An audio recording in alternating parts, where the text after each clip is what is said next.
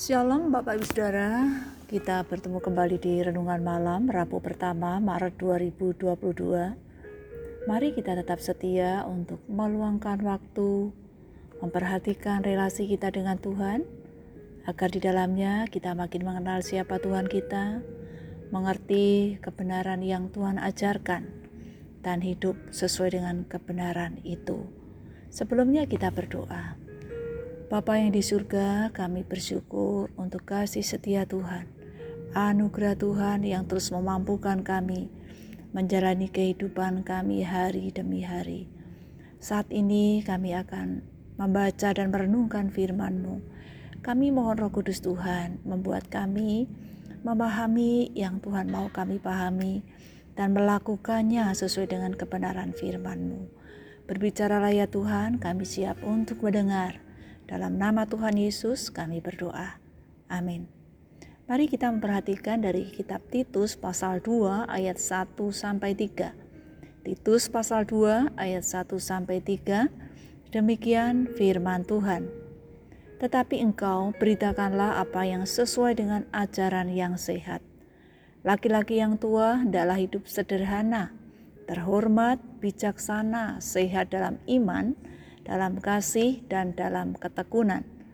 Demikian juga perempuan-perempuan yang tua, hendaklah mereka hidup sebagai orang-orang beribadah. Jangan menfitnah, jangan menjadi hamba anggur, tetapi cakap mengajarkan hal-hal yang baik. Dalam perikop sebelumnya, dikisahkan bagaimana pengajar-pengajar palsu bukan hanya mengajarkan doktrin yang salah, yang menyimpang, tetapi juga menjalani kehidupan yang salah. Oleh karena itu, Paulus memberitahukan pada Titus untuk mengajarkan pengajaran yang sehat, yang benar, menyatakan kebenaran berdasarkan firman Tuhan. Pengajaran yang benar dan perilaku yang benar harus berjalan beriringan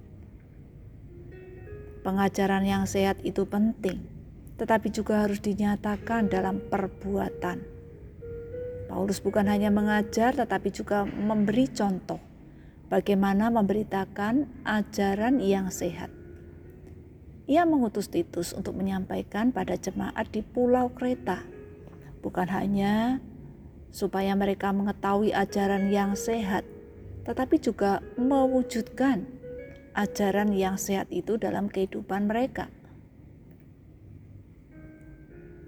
Kewajiban sebagai laki-laki tua, dalam arti sebagai orang tua laki-laki, atau orang laki-laki yang lebih tua atau sudah tua, adalah hidup sederhana. Jangan berpikir bahwa karena tubuh yang makin merosot, itu menjadi alasan untuk hidup semaunya sendiri hidup terhormat, tidak sombong, hidup bijaksana dapat mengendalikan diri dengan baik, sehat dalam iman, kemudian setia berpegang teguh pada firman Tuhan, hidup dalam kasih, dalam arti mengasihi sesama, dan dalam ketekunan, sabar dalam menghadapi kesulitan maupun tantangan, sabar menerima dirinya sendiri Kewajiban sebagai perempuan-perempuan yang tua adalah mereka hidup sebagai orang-orang beribadah. Dalam arti menjaga perilakunya sesuai dengan pengakuan imannya. Jangan menfitnah yang dapat menyebabkan perselisihan, mencemarkan nama baik sesama. Kemudian jangan menjadi hamba anggur dalam arti jangan terikat pada minuman keras, tetapi cakap mengajarkan hal-hal yang baik, menggunakan waktu-waktunya untuk mengajarkan yang benar, yang berguna bagi sesama. Pengajaran yang sehat, yang benar berdasarkan firman Tuhan akan melahirkan perbuatan yang benar, akan berdampak dalam kehidupan yang bisa dilihat oleh sesama. Kita membutuhkan pengajaran yang benar, sehingga mengetahui pentingnya melakukan yang benar. Perbuatan mencerminkan pengajaran yang kita terima. dan merupakan wujud nyata ketaatan kita pada firman Tuhan. Orang-orang di sekitar kita akan melihat bagaimana perbuatan kita, apakah seturut dengan firman Tuhan. Melalui perbuatan yang benar, itu merupakan salah satu cara yang dapat kita gunakan untuk menyampaikan pengajaran yang sehat, pengajaran yang benar.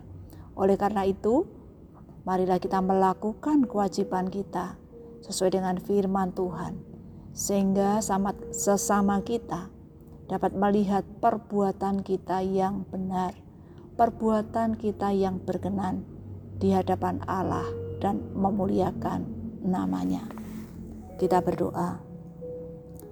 Bapa yang di surga, mampukan kami melakukan kewajiban kami sesuai dengan firman-Mu Biarlah firman-Mu itu bukan hanya kami dengarkan, kami pahami, tetapi kami juga melakukannya sebagai wujud ketaatan kami kepada Tuhan dan menjadi alat untuk memberitakan kasih dan kebaikan Tuhan.